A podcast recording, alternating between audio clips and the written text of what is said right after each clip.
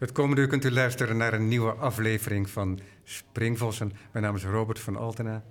Tegenover mij zit Arjan van Helmond. Dankjewel, Arjan, dat je naar de studio bent gekomen in het Allard Pierson... waar wij altijd zo prettig te gast kunnen zijn van de radio. Maar dank je. Dank je voor de Ja, uitnodiging. een stukje fietsen, tegen wind vandaag, vanaf de eilanden. Met Zuidwest erop. Arjan, eh, we hebben elkaar één keer eerder gesproken. Ja. We hebben elkaar vaker gesproken. we hadden zojuist al een uitvoerig privégesprek, omdat we elkaar door de jaren heen tegen zijn gekomen. En we hebben dus het geduld van Erik Korver, de technicus, eventjes op de proef moeten stellen. Maar nu gaan we daadwerkelijk beginnen met die uitzending dan. Ik heb je uitgenodigd, omdat het lang geleden was dat ik je over je werk sprak. Dat was denk ik in 2016. Ja. En toen was er al de eigenaardigheid dat we elkaar zouden spreken over een bepaald werk. En dat jij toen had gezegd, ja, dat werk waar we elkaar over zouden spreken, dat heb ik vernietigd. Dat herinner ik me niet meer Nee, precies. maar dat is dus al zes jaar geleden. Ja, ja. En, en ja, zo gaat dat in de praktijk van een Ja. kunstenaar natuurlijk. Dat als je iemand in een vroeg stadium spreekt, dat dat werk ook weer kan verdwijnen zonder dat het ooit door een publiek wordt gezien. Niet alles wordt geaccepteerd wat er gemaakt wordt in de studio. Nee, daar mag ook veel de studio niet uit. Om die reden. Ja. Zit er veel afstand tussen dat kritische moment en het maken? Eh, nee, dat groeit eigenlijk meer. Dus terwijl je ermee bezig bent, bouwt het op. Ehm, wat wel een vreemd fenomeen is, ik werk vaak in, eh, in series. En ehm, soms zijn er dan werken die, die daar net buiten vallen. En dat zijn goede schilderijen, maar die zien, het, die zien dan uiteindelijk ook nooit het, eh, de tentoonstellingsruimte van binnen, zeg maar. Omdat, of hij wordt, ze worden eigenlijk niet gezien, omdat ze dan niet binnen die structuur vallen van de, de, de serie waar je op dat moment mee bezig bent. En eigenlijk nooit een gelegenheid komt om ze daarna te tonen. Ik heb wel eens bij... ehm, Maar dat zijn niet per definitie verworpen werken. Zoals nee, waar ik nee, helemaal aan niet. Nee, nee, helemaal niet eigenlijk. Ja. Maar dat is toch vreemd. Dat, er is een groot werk dat bij een goede vriend van me in huis hangt. Wat een heel eh, op zichzelf staand ding is. En elke keer als ik het zie, denk ik... Oh, daar zou ik eigenlijk een hele serie uit voort kunnen laten komen. Maar dat gebeurt op de een of andere manier nooit. Ja. Ehm, heel, goed, heel goed werk. Ik begin deze Eh, uitzending een beetje slordig. Ik onderbreek je nu. Want ik introduceer je niet netjes. Je bent een schilder. Je bent een schilder die veelal, misschien wel meestal, misschien wel bijna uitsluitend op papier werkt. Inmiddels. Zeg ik dat juist? Eh, nou, de laatste jaren eh, werk ik ook veel op doek. Kijk, ik ben niet naar je studio geweest. Hè? Dan wordt Ja. dat, dat bijt dan meteen. Ik ben nu op dit moment weer aan een serie begonnen waar die uitsluitend op papier is. En eh, dat heeft meteen weer. eh, eh, biedt weer allerlei leuke perspectieven. Een doek zit natuurlijk. heeft een vast formaat. heeft al een soort objectwaarde als je eraan begint. Het is altijd heel mooi, zo'n geprepareerd. zo'n pre- geprepareerd doekje. Ehm, Al heb je schilders alle- als die daar natuurlijk ook weer buiten dat kader treden... door er gewoon wat doeken tegenaan te zetten... Ja. waardoor dat uiteindelijk tot één werk wordt. Nee, ik zag ook laatst werk van eh jonge schilder, of hij is niet, misschien niet eens meer zo jong, maar Bob Eikelboom die met eh, magnetische objecten op, eh, op doek gaat plakken, die er aan alle kanten ook uitsteken. Dus Ja. de- die, die, die, dat kader wordt vaak overschreden. Maar wat, gisteren zette ik nu een tekening op en ik werk altijd vanuit een, een raster om delen van foto's over te zetten naar een ander formaat en een ander materiaal. En die, het, het stond helemaal uit het lood. Dus ik had links een strook over en rechts kwam ik wat tekort. Dus dan, het is meteen zo leuk met papier. Snijd er een stuk af, plakt het aan de andere kant. Je krijgt allemaal rare eh, trekkingen in het papier. Je krijgt dus meteen een soort textuur. Ehm, maar die vrijheid om dat meteen eh, er iets aan te plakken of eh, af te snijden... dat is ook wel heel prettig, al vanaf het begin. Dat Ja, je die dat- vrijheid is wat groter met papier dan met doek, want met doek kan het ook. Er zijn hele Ja, beroemde natuurlijk, maar dan moet je hem afspannen Nee, en- en- Woman One van de koning, die ook overigens afgedankt op de gang stond... omdat hij niet wist hoe hij daarmee door moest gaan... en niet wist hoe hij erover moest denken wat hij eigenlijk gemaakt had. na een bezoek van een criticus dat ding toch weer tevoorschijn heeft gehaald, op verzoek van de criticus. En het vervolgens in een week afmaakte, terwijl hij daarvoor een jaar, anderhalf jaar ermee had gestoeid. En inderdaad ook opnieuw geframed heeft. Oh ja. En een stuk doek tevoorschijn heeft gehaald wat verborgen ging achter het doek. En dat zie je ook nog altijd. Maar het heeft, hij het ver- heeft hij verwerkt in het doek. Dus, Ja, maar en er zijn is- natuurlijk bekende voorbeelden. De, de nachtwacht Ja. die afgesneden is Ja. en opnieuw gekaderd, Ja. gekropt. Zoals we dat tegenwoordig digitaal eh, gemakkelijk doen met twee vingers. Ja. Nee, nee, het kan wel, maar het heeft veel meer eh, implicaties. Een doek afspannen en weer opnieuw opspannen. Exact. Is, exact. Is veel werk. Ja, maar dan, dat zegt toch iets, want kunst wordt gemaakt. En dus in de praktijk van het maken tellen ook dat soort zaken. Zeker. En Zeker. er is ook een bepaalde economie van de kunst. Ja, hoe bedoel je dat? En nou, in investering, in tijd en, ehm, Ja. eh, en, en in wat voor keuzes je gaat maken en hoe je tot je gewenste resultaat kunt komen. Hè? Om niet het woord doel te gebruiken, wat niet op zijn plek zou zijn, denk ik. Nee, maar die, eh, en die economie op papier is anders dan op doek. En voor mij levert het vaak. Nou ja, er is een soort wisselwerking natuurlijk. Ik vind het fijn om in periodes op ander materiaal dan op papier te werken. Maar nu ik het, ik denk dat ik wel, ehm, nou, een, eh, een jaar of drie nauwelijks op papier heb gewerkt. Dus eigenlijk vooral op doek, misschien wel langer. En het levert meteen een hele, een hele weer, ja, een soort nieuwe opwinding op, zeg maar. Om vanaf. Ik, vind, ik, ik, ik ben eigenlijk van mening dat een goed schilderij pas. Of dat een schilderij pas interessant wordt als het misgaat. Zeg maar. Dus als, als je dus niet dat doel eh, bereikt. Je hebt natuurlijk een beeld in je hoofd, je hebt een intentie. En eigenlijk is het gedoemd te mislukken. Eh, of, of in ieder geval om, daar, om daar nooit aan te raken. Want onderweg gebeurt er van, van, van, allerlei anders.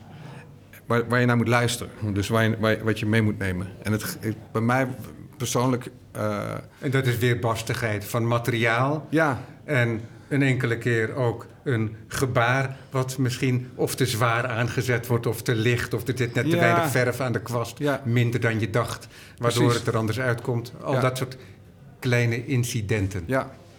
En, en je raakt erdoor gefrustreerd. Je denkt dat het een vorm is van... ehm, van eh, niet competent genoeg zijn. Of, eh, ik, ik, ik las laatst een interview met, met, Luc Tuymans, eh, die nog mijn docent is geweest op de Rijksacademie.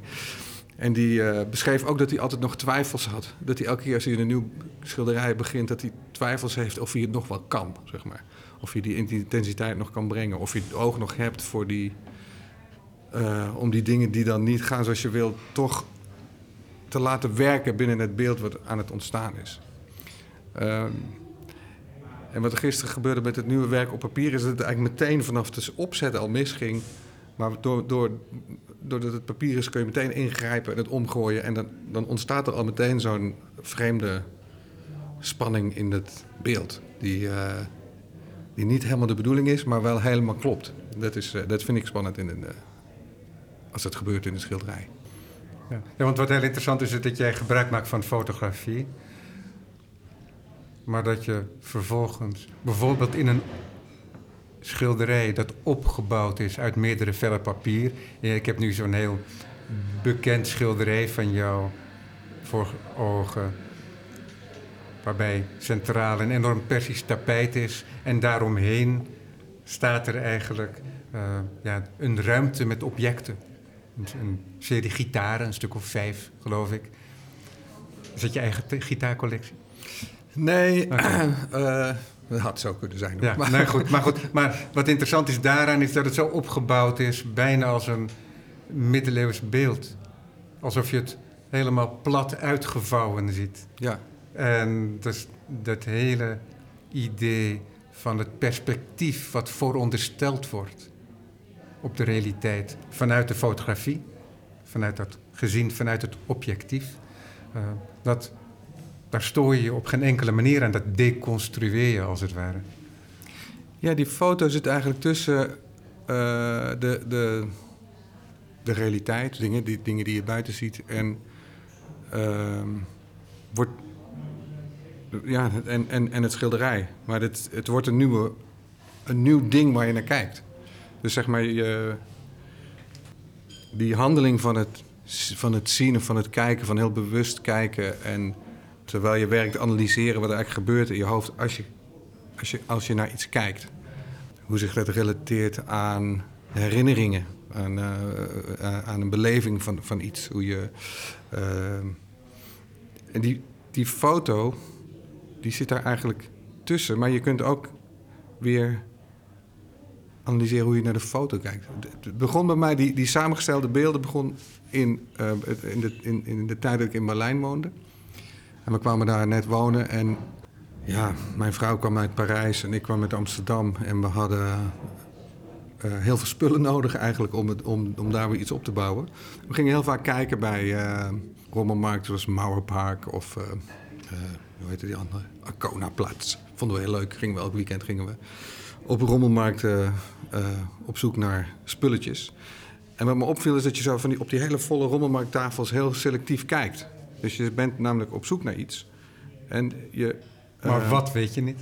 Je weet niet precies wat, maar je hebt wel een soort vooropgestelde idee, toch? Je, in ieder geval, wat me opviel is dat je eigenlijk heel veel niet waarneemt wat er op zo'n tafel staat. Gewoon omdat je het niet interessant vindt. Dus je, je maakt meteen een selectie van de dingen waar je, naar, waar je wel naar kijkt en waar je niet naar kijkt.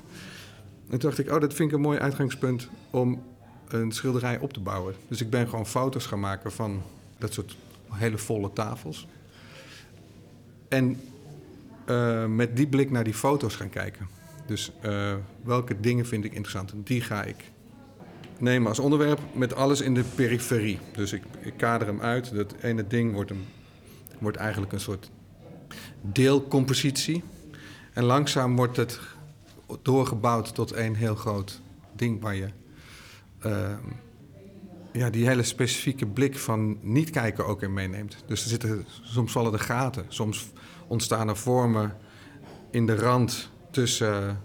ja, er, is een, een vroeg schilderij waar een, um, waar een vaasje zich uh, vormt, eigenlijk door op vier stukken, op vier verschillende papieren in de rand een deel van de vorm te zien. Dus je, en in je, in je hersens gebeurt er dan iets waardoor je, die, waardoor je het vaasje toch weer gaat waarnemen, maar op een hele andere manier. Ja. Um, en later heb ik eigenlijk die manier van beelden samenstellen gebruikt. Bijvoorbeeld in het schilderij wat jij net beschreef met het Persische tapijt. Om er misschien een uh, narratieve structuur in te brengen. Of in ieder geval te suggereren. Wat zou dat nou kunnen betekenen dat die verdeling op die manier plaats heeft gevonden? En welke. Ja, misschien met een soort meer bewuste blik. Dus in eerste instantie.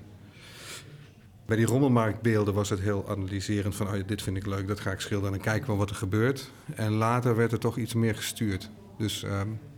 Ja, want dat is heel interessant, want dan kom je op een heel merkwaardig terrein. En dat is een terrein dat je ook bespreekt eigenlijk, of toont, in je nieuwe catalogus. Ja, want je hebt een catalogus uitgebracht in 2022. Uitgekomen bij Jap Sam Books. Yes. What Speaks to Us. En als ondertitel Fragments in Time, Space and Painting. En, mooi boek, gefeliciteerd met het mooie boek, want dat is toch altijd een hele bevalling. Hè? De keuzes die je maakt, het, de, het concept van het boek is van je eigen hand. Ja, in samenwerking met... Uh, ik had een heel leuk team van mensen om me heen. René Schuiten-Kniepstra was mijn, uh, mijn uh, sparring partner, zeg maar. En heeft me geholpen bij de productie. En Put Grotink, ontwerpduo, die ik... nou ja, eigenlijk ken omdat, we, omdat zij ook een tijd bij, op de AKI in Enschede hebben lesgegeven, net als, net als ik. En um, onze ideeën over wat een boek kan zijn, of de ruimtes in die boeken bieden, uh, die kwamen heel erg overeen. Dus het idee van de, van het archief wat zich in de pockets vindt. Dus, dus, dus ja, want, in- in- want even voor alle duidelijkheid, we hebben dus gewoon een pagina, het is een boek waar we doorheen kunnen bladeren. En we zien schilderijen en we zien schilderijen eh, geïnstalleerd in een omgeving. Maar wat er ook is, is dat er pagina's zijn die nog niet gesneden zijn, als Ja. het ware. En die kun je wel openmaken. Ik heb ze in mijn exemplaren dicht gehouden, omdat ik dat mooi vind om dat te behouden. Maar die kun je openmaken en dan kom je op een ander niveau. Eigenlijk Ja. in, in een andere ruimte in het boek. Ja. En dat laat ook meer een soort werkproces zien. Ja, en het was ook echt in dialoog met eh, ontwerpers. Dus we zijn door mijn... eh, we- we- in eerste instantie namen we steeds details op waren geroten uit, eh, uit de schilderijen die, de, die zeg maar in dat beeldblok eh, zich bevonden. En daarna zijn we dat gaan combineren met beelden uit mijn archief. Beelden die nooit, foto's die ik heb gemaakt, maar eigenlijk nooit een schilderij zijn geworden. Of soms zelfs wel. Zeker bij, de, bij het omslag, het stofomslag, wat je ook Ja, er zit een wikkel om het boek. Dat kennen wij hier wat minder, maar in Frankrijk zit er altijd een wikkel om een, Ja. eh, om een boek. En in dit geval is het wikkel uitvouwbaar. En dan hebben we ook een enorme poster Ja. van het werk van Ariane Ja, van het werk heb ik daar speciaal voor gemaakt. Het is ook één op één is dat meegedrukt. En op de voorzijde heb je eigenlijk gewoon dat werk. Ook een groot samengesteld werk van een... eh, ja, het is een, een soort vreemde slaapkamer met ehm, een enorm typisch eh, tegelpatroon op de vloer. Ehm, en de achterzijde zijn delen van, van de compositie van de voorzijde weer te zien... maar dan in, samen met het archiefmateriaal waaruit het schilderij is opgebouwd. Het meisje met de kimono zonder meisje. Ja, van Breitner bedoel je? Ja. Ja. Nou ja, het is natuurlijk heel typisch dat, eh, dat, dat kunstenaars altijd geheimzinnig doen over de manier waarop iets tot stand komt. Hè. Er heerst een soort geheimzinnigheid Ik over. spreek er elke week over. Ja, ja maar, maar er zijn. ehm, nou ja, dat, dat vond ik heel eh, interessant aan eh, het boek The Secret Knowledge van David Hockney. Ja. Boek wat Waar eind is- jaren negentig denk ik uitkwam. Ja. Eh, wat ook nog steeds enigszins controversieel is, maar Maar goed, hij doet daarin, even samenvattend, hij doet daarin uit de doeken dat de oude meesters die zo fantastisch schilderden en die fotografische gelijkenis eh, wisten te volbrengen op een geschilderde doeken, dat hij zegt ja, maar die werd volbracht omdat er ook gebruik werd gemaakt van een camera. Ja. En dan is weliswaar niet een fotocamera, maar wel van een lens Ja. en met ook, dus hij duidt dan ook op de lensvertekeningen die hij meent waar te nemen. En zo analyseert hij werk van zijn historische voorgangers. ja. Maar het boek heet dus The Secret Knowledge. Dus er wordt vanuit gegaan dat die kennis geheim moet blijven, omdat het misschien anders iets afdoet aan de kwaliteit van, van die werken. Terwijl ik ook denk dat, en dat beschrijft hij ook, hoe, welk, welk technisch hulpmiddel je ook gebruikt. Zelfs met zo'n projectie wordt het maken van zo'n schilderij niet per se eenvoudiger. Misschien kun je tijd winnen, ehm, maar het blijft enorm knap, zeg maar. Ook Ja, want een van de consequenties, onder andere, is iets wat jij ook toepast in je werk: de fragmentering. ja, Omdat zo'n camera niet het hele beeld in één keer vat. Dus er is een zekere mate van montage. Montage, iets wat we in verband brengen met de 20e eeuw. ja, Met, met cinema, met fotografie, hè, met de fragmentering ja. van het beeld. Ja, en ik denk dat het. Ik ben gaandeweg steeds meer vanuit mijn eigen eh, foto's gaan werken, vanuit mijn eigen bronmateriaal. En dat vind ik nog steeds eh, lastig, zeker omdat ik elk beeld probeer te koppelen aan. Ik vind zeg maar schilderen interessant op, op een manier dat het aan, aan een herinnering ref- refereert. Niet per se dat het iets nostalgisch oplevert, maar het zijn vaak dingen die haast is- iconisch worden of eh, psychologisch opgeladen. Daarom moet die foto er eigenlijk ook tussen zitten. Op het moment dat ik echt naar het ding kijk, dan gaat het nu over het hier en nu. En over de weergave van. Ik, ik kijk nu naar een eh karaf water, maar Ehm, dat zomaar dat- een motief zou kunnen zijn van jouw schilderij. ja, Van een schilderij Ja, van maar- jouw hand.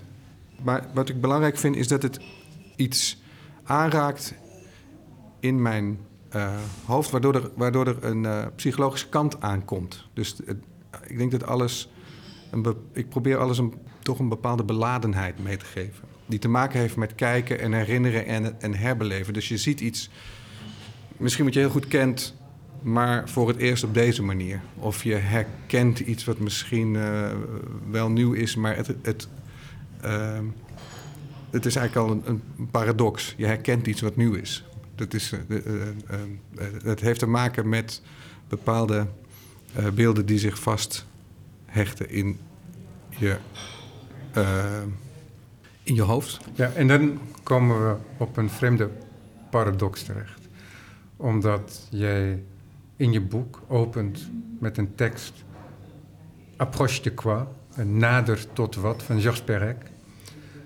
Georges Perec, een schrijver die bekend is om zijn aandacht voor het verwaarloosbare alledaagse. Maar ook dat was een vertekening. Georges Perec die beschrijft een, een huis of een straat, dat hij in een café ging zitten en dat hij de gebeurtenissen beschrijft, audio opgenomen ook, ehm, van wat hij op straat ziet vanuit dat tafeltje in dat café. Hij beschrijft een kleine zijstraat uit een treuren. Dat alle verwaarloosbare details, niet specifieke kleurrijke figuren, personages, belangrijke gebeurtenissen. Het is een niet het schuldig landschap in eerste instantie. Zoals dat het geval zou zijn bij een Armando. Maar toch is het zo dat die Georges Perec, die eigenlijk een soort manifest schrijft hè, in die tekst nader tot wat. Over de noodzaak om het alledaagse onder aandacht te brengen. Hij zegt ook ergens dat dagbladen aandacht hebben voor allerlei zaken, behalve voor het daadwerkelijk alledaagse. Ja. Ja. En dat is een mooie spel natuurlijk met het woord, Ja. het dagblad. En met alles wat direct betrekking heeft op ons allemaal, Ja. individueel.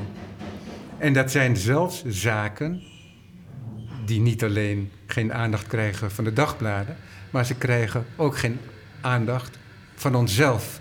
Ze krijgen geen aandacht van onszelf omdat ze bijkans transparant zijn geworden.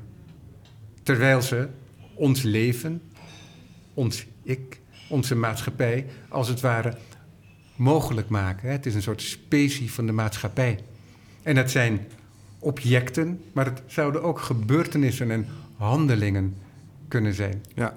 En dat is heel interessant, omdat dat verwaarloosbare, transparante, in uiterste zin niet neutraal is. Omdat daarin heel veel cultuur schuilgaat, heel veel keuzes schuilgaan en daarmee ook politiek, geschiedenis, mogelijke toekomst, ehm, geluk, maar ook vrede zaken. En daarom zeg, verwijst hij dan ook naar, ik geloof, ehm, ja, er is aandacht voor Le Grisou, eh, het mijngas, maar er is geen aandacht voor de mijnwerker. En dat blijft. En, en dat is ook nog van alle dag. Dus in die zin is dat transparante, wat we zouden vertalen als neutraal wellicht, helemaal niet neutraal. En dat is het bij hem, en dan is het einde van mijn veel te lange monoloog. maar, eh, maar, en dat is dan ook bij Perec heel dubbelzinnig, omdat Perec uiteindelijk in zijn oeuvre het heeft over zijn eigen lot. Het verlies van zijn eigen familie. Zijn familie die vermoord is in de kamp. En met zijn familie een heel deel van het volk. Mhm. En dat verdwijnen en dat de transparant geworden wezens, want tot herinnering geworden, dat is uiteindelijk, het afwezige is uiteindelijk het thema van zijn werk. En dan kom ik terug bij Arjan van Helmond. Jij bent heel erg geïnteresseerd in, die, in het aanpakken van die neutraliteit. Maar tegelijkertijd zeg je ook, maar er moet een psychologische haak aangezet worden. Zeker. Waardoor het niet glad en transparant is, maar waardoor ook ik als toeschouwer daaraan blijf haken, hm. als het ware. Ja. Nee, maar dat... is iets wat heel moeilijk is op te bouwen. Dat is iets waarvoor je een, geen formule voor hebt. Nee, dit is iets waar je heel intuïtief soms een, een ingang toe vindt. De laatste serie schilderijen die ik heb gemaakt was een serie van steeds een, eenzelfde motief, namelijk een boom die je van onder ziet. Dus je kijkt van onder naar boven, langs de stam van de boom en het licht komt ook van onder. En het heeft hiermee te maken dat het namelijk. Uh, ik, ik, ik ben al een tijd wat meer bezig met onderwerpen uit, uit de natuur. Dus uh, het begon met uh, de zee, een tuin en de laatste serie, ja, de laatste serie van bomen. Ook omdat elke boom, dat, in, die blik in die, op die boom is steeds heel specifiek. Ik heb er ook heel specifieke bomen voor gebruikt, waarvan ik weet waar ze waren en wat er op dat moment gebeurde. De eerste boom die ik heb geschilderd was een boom waar ik dagelijks langs liep met mijn hond in Berlijn. En die blik omhoog was omdat het begon te sneeuwen. Dus je ziet de eerste sneeuwvlokken vallen en die worden grote lichtblobs in, uh, in het flitslicht dat ik heb gebruikt. Uh, wat weer een heel raar ding wordt als je dat omzet naar, naar de verf. Wat me dan opviel is dat je zo'n boom, die herken je eigenlijk niet meer. Je herkent een boom aan zijn soort, maar nooit aan zijn individu. Je herkent, je herkent een boom aan de plek waar die staat. Je, de, de, de, de kastanjeboom van, van het Anne Frankhuis of zo. Die zou je op een andere plek niet herkennen als die boom. Maar um, uh, dat, vond ik eigenlijk wel, dat vond ik wel een interessant gegeven. En toch probeer ik ze dan die lading mee te geven die die boom wel specifiek maakt. En uh, dat, kan je, dat kan natuurlijk nooit, iemand kan het, een toeschouwer kan het nooit lezen, wat die, wat die, uh, die boom of die, die plek voor mij betekent. Maar ik denk wel dat die lading voelbaar is, waardoor die uh, het spel gaat spelen met de associatie van de kijker. Dus waardoor, waardoor het wel herkend kan worden. Er is sowieso altijd een verdubbeling gaande. Ja. In, in die keuze voor wat Perec infraordinair noemt. Eh, wat hier in een vertaling van Rokers Hofstede, in je boek Rokers, die ik ook sprak over Proest in een oh. uitzending. Um, wat hij hier het ondergewone heeft genoemd. Het ondergewone, ja, het staat tegenover het buitengewone. Hè? Dus je, je ja. het is eigenlijk een soort ja, ondergewone of binnen, binnengewoon, gewoner ja. dan gewoon. De dingen die je niet meer waarneemt, omdat ze er altijd zijn. En die je eigenlijk pas gaan opvallen als je, als je elders bent, zeg maar. maar de Hollandse bakstenen of de, de, het, het straatmeubilair of zo. Maar er is een verdubbeling, omdat er die aandacht is. Dus het ondergewone wordt naar boven gehaald, hè, om dan maar in de metafoor te blijven, door jou. Maar tegelijkertijd is het ook zo dat het buitengewoon wordt door de aandacht die jij eraan besteedt. Ja, ja. En het wordt ook buitengewoon in die zin dat het tot een hele specifieke aandacht krijgt, ook omdat er, laten we zeggen, het ondergewone bestaat in de schilderkunst.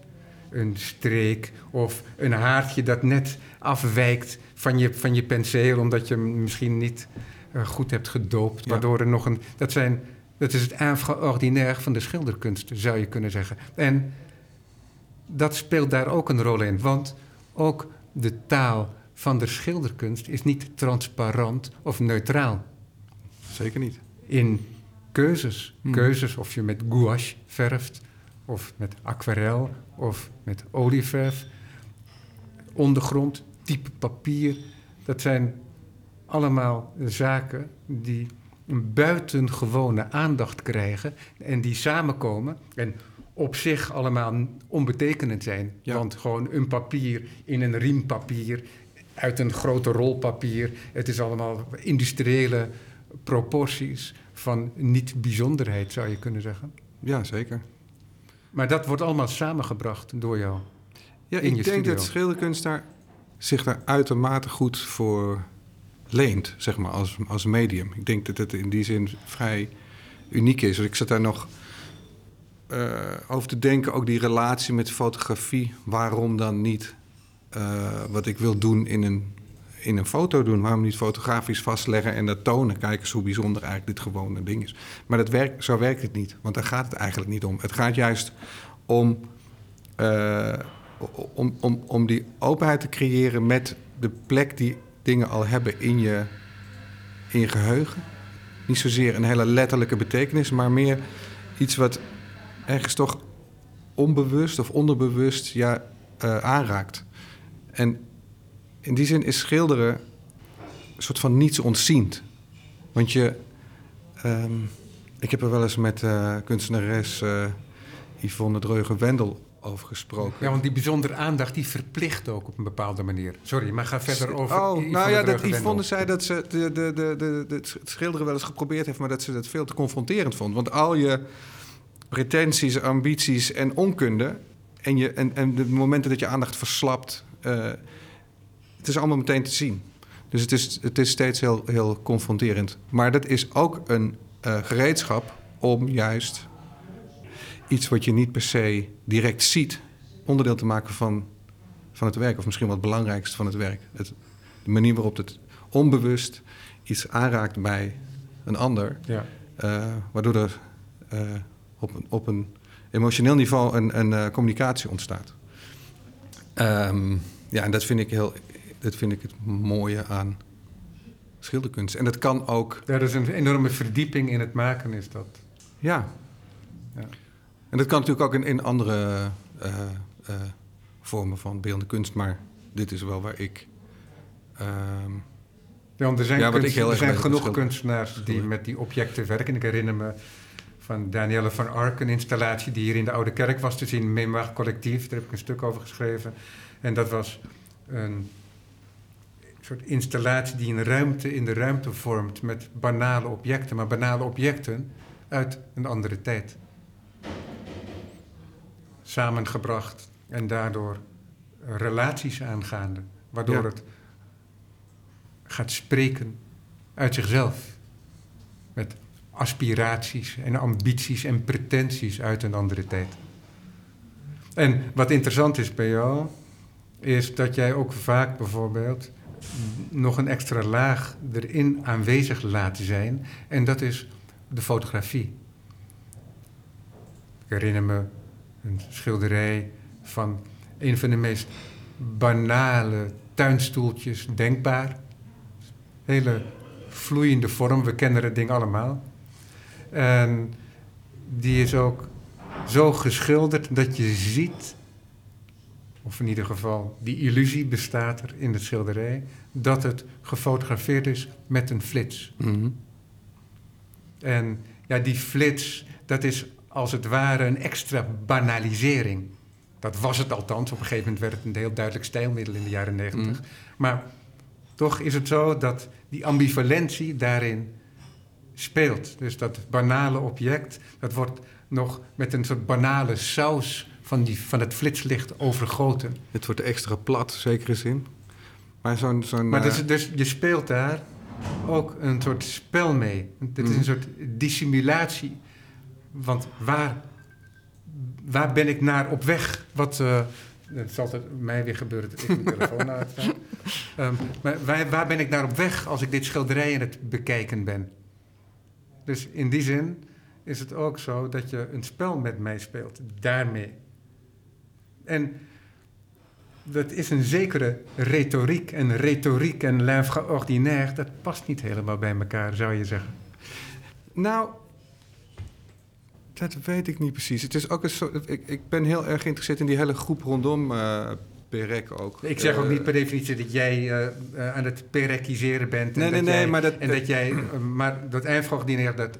dat noem je dat? Dat ondergewone. Ja, Dat interesseert jou. Dat gebruik jij op jouw manier, want jij voelt je daarmee verwant. Maar dat wil niet zeggen dat jij dat op dezelfde manier uit hoeft te voeren. nee, maar er is, ja, die, die, dat, het spelelement en, en het, het omkeren van dingen is, het is gewoon leuk. Dat je denkt, oh, wat zou er nou gebeuren als ik dit doe? Of dat juist gebruik. Of met die, met die eh, bijvoorbeeld zo'n schaduw van zo'n flits. Het maakt het natuurlijk meteen eh, de referentie naar de fotografie overduidelijk. Maar die, eh, die schaduwen zijn heel interessant om te schilderen, omdat het een hele fijne lijn wordt. Het is een soort, ja, het is een soort tekening eigenlijk. Een soort, die, die, die, ehm, ja, dit is heel leuk, leuk om te doen. En je bent, het is ook, je, je draait die tijd om, zeg maar, de, de flitslicht, die 160ste zit het altijd hè, op, op, een, op een camera, 160ste seconde.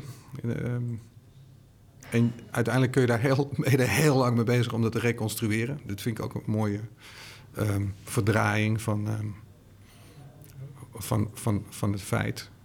Maar Of- het, je zou kunnen zeggen dat dat natuurlijk ook een soort banalisering is die transparant is geworden voor ons, dat flitslicht. Hè, omdat aanvankelijk, als je dingen zag in, hier mooi bij het raam, een soort vermeerlichtje, hier aan de gracht. Nou, het brengt ook wel een soort dat- focus dat, in het dat, beeld. Dat, dat, geeft, dat geeft ook eh, andere schaduwen mee. Ja, En het zet het object ook meer neer. Het isoleert het beeld ook. Het, dat is het. Het dat motief. is het. Ja, zeker. En ik denk dat ik het op die manier graag eh, gebruik. Eh, omdat het ook de, de spotlight op iets eh, zet, op een zekere manier. Ja. Maar dan op een hele... Het heeft iets heel onachtzaams of banaals. Dat is eigenlijk wel een goede. Maar dat laat Perec ook zien. Of er zijn wel meerdere mensen in die groep rondom Perec.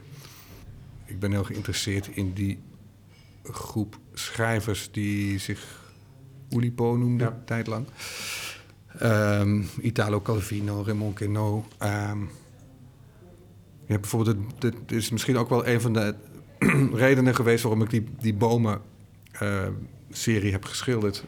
Queneau zit in, ehm, heeft eh, een boek geschreven met 100 keer, Exercice de style. 99 keer hetzelfde verhaal, maar dan vanuit Ja, een andere scène, stijl. een, een scène is Een scène in de tram. in de, Ja. in de metro. metropolitain, in de Hm. metro. Ja. En ehm, ik vind het heel grappig en ook iets heel...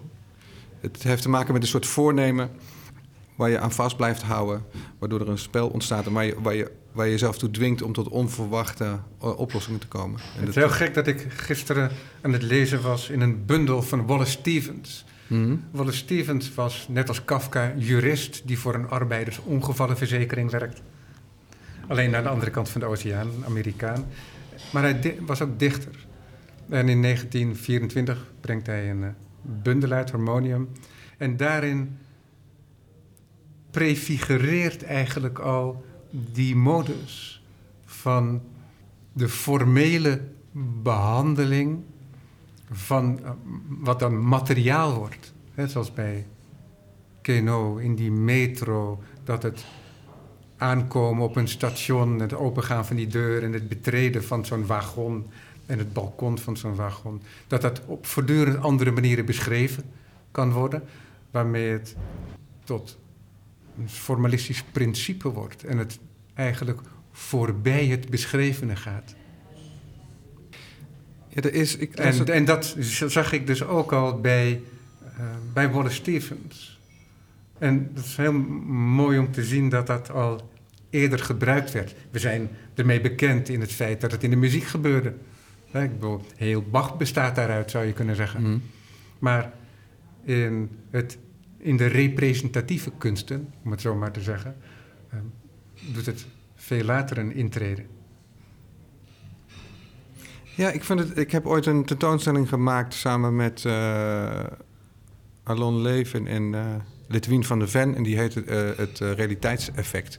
Naar aanleiding van een tekst van Roland Barthes over, ehm, ja, over iets wat hiermee te maken heeft, volgens mij. Dat er in de. Het heeft ook wel met Franse literatuur te maken, maar dat er in die realistische literatuur, waarin eigenlijk alles wat, opge, wat, wat ingebracht werd, heel eh, functioneel was voor het verhaal, hij toch allerlei details ontdekte die niet per se functioneel waren voor een detail. Beschrijving van een eh, barometer die op een piano stond of zo, in een verhaal van Flaubert.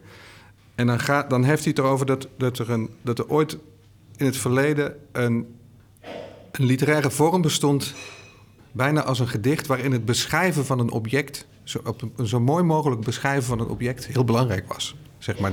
Dus niet zozeer eh, de poëtische betekenis van iets, maar gewoon puur het beschrijven. Dat vond ik eigenlijk interessant, ook als schilder. Ja. Dus, eh, eh, maar het is een, het is een soort. Het, het is tegelijkertijd een soort effect, zeg maar. Ja, weet je wat het pro- probleem is geweest altijd daarmee? Want het is een heel lang project. Hè? Mhm. Het begint eerst in de kunsten, dan komt het in de filosofie terecht. Met Husserl, fenomenologie, het, de beschrijving Mhm. of de leer van de verschijnselen. Omdat daarvoor, laten we zeggen, het altijd gezocht werd naar het allerbijzonderste. En dat werd bijna het buitenaardse of het hemelse. Dus als er een naakt werd geschilderd door Giorgione in Venus. Maar als Courbet dat in 1866 doet, twee vrouwen, dat heet Le Sommeil geloof ik, de slaap, Mhm. twee vrouwen die op bed liggen, maar tegelijkertijd heet het Le Sommeil en heet het niet Venus et sa compagne. Dus opeens is het een lesbisch, verandert het beeld, dus wat het betekent, het wordt opeens ordinair. Mhm. En dan wordt het naakt, wordt bloot. En dan wordt het scabreus en dan kan het niet meer. Dus de voile die er over dat naakt hing, maakte dat het geaccepteerd werd. En als de voile weg wordt gehaald en het blijkt inderdaad geen metafysische representatie, maar een fysieke, realistische representatie, die representatie wordt als neutraal gezien. Dus het wordt echt daargesteld. Het is de werkelijkheid.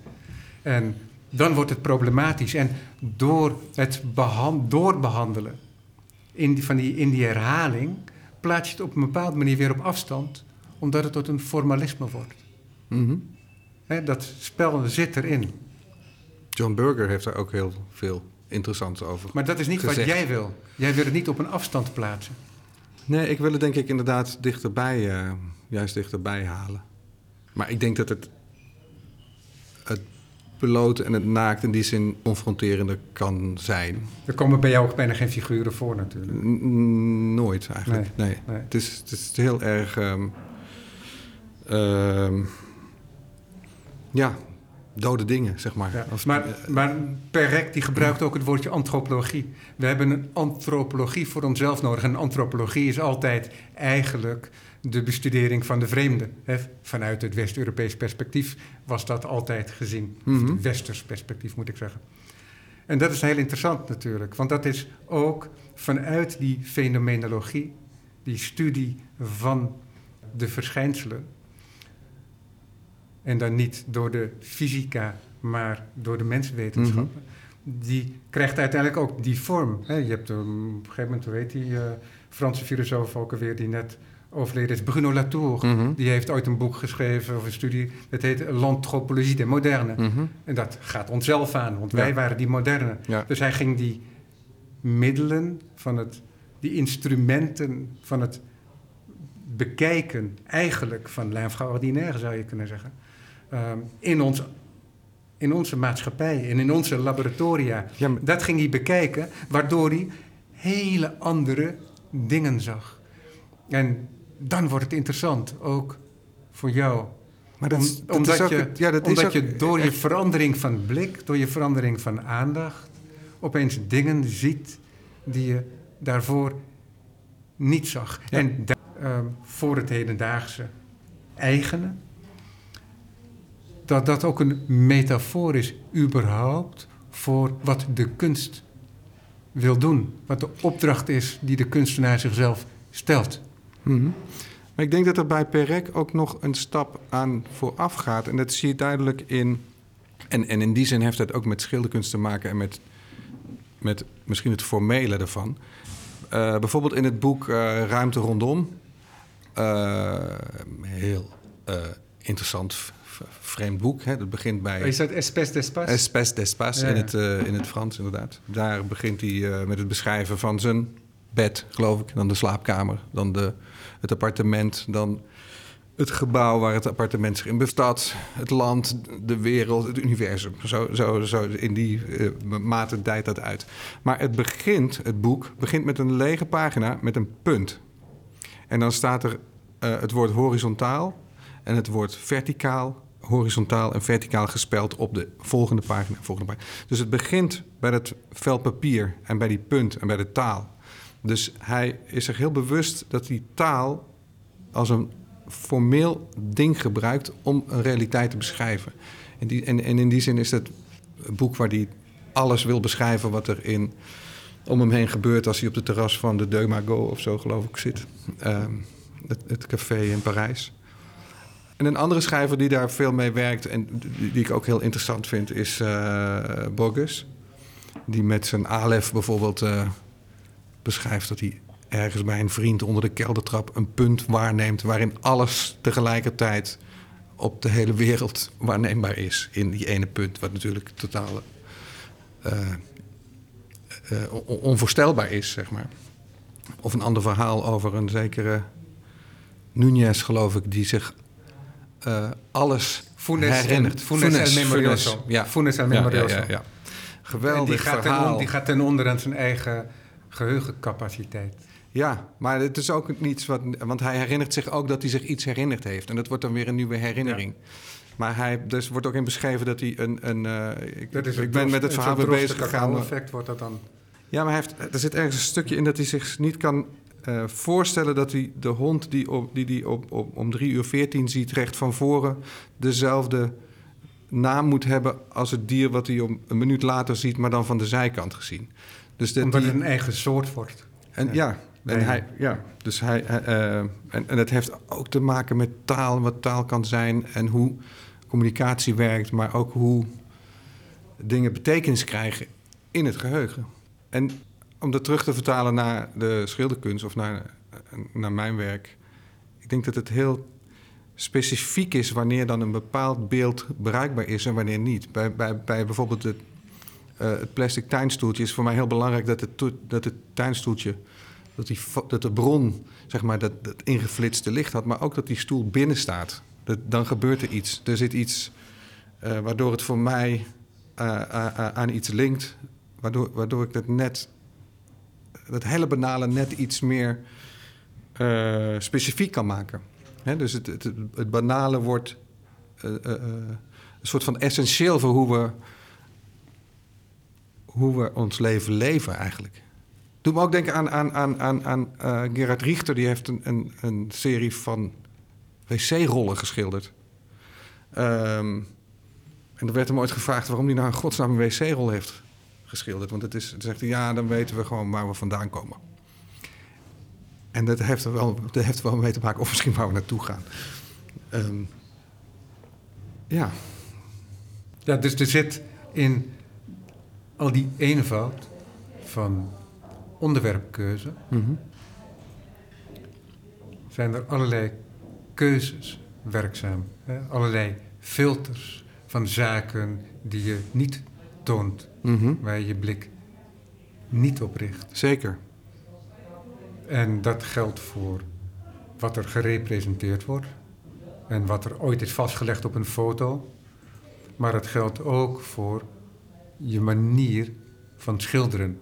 Want je bent geen fijn schilder in die zin dat je je schilderkunstige handeling verstopt, als zeker, het ware. Nee, zeker niet. Met uh, fijne marterharen penseel. Nee, ik vind het juist je, heel je belangrijk. de schildering. Ja. Het is ook de...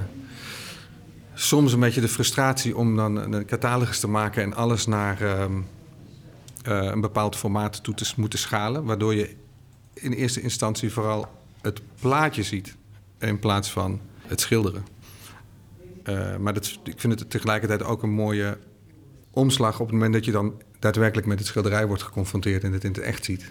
En juist geconfronteerd wordt met die verf, de manier waarop die is aangebracht, de losheid, de eigen realiteit die, die, verf, uh, die de verf kan creëren. En um, ja, het is een. Uh, het is uiteindelijk de, de, oplossing voor elk goed schilderij.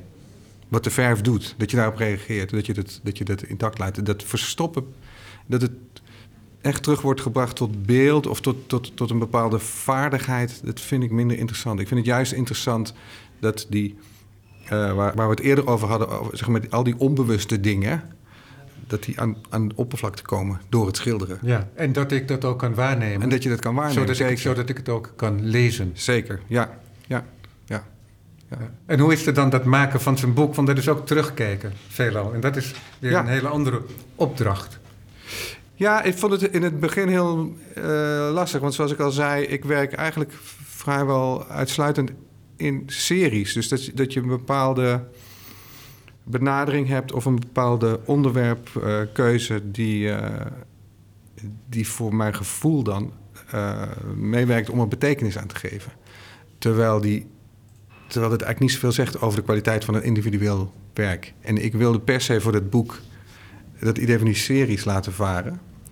Uh, en op een enkeling na heb, is het denk ik heel goed gelukt. Uh, en het heeft veel te maken gehad met het werken met een team mensen. Dus dat je heel veel ruimte geeft ook aan de ontwerpers en de uh, producent en de uitgever om mee te denken in wat interessante combinaties kunnen zijn van beelden.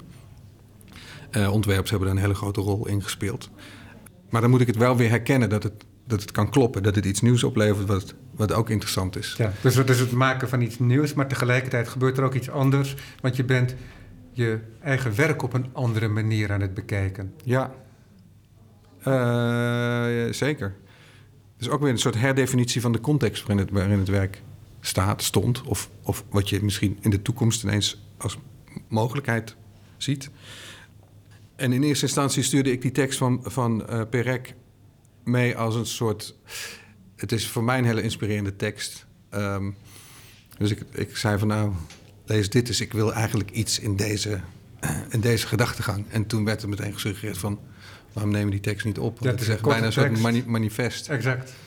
Uh, en ik ben wel op zoek geweest om ook, ook, om daar iets heel extreems tegenover te zetten. En uh, in eerste instantie zou dat een kunstenaarsgesprek zijn tussen Jeremiah Day en mij. Jeremiah, Jeremiah Die uiteindelijk Day. ook een tekst heeft ja. geschreven.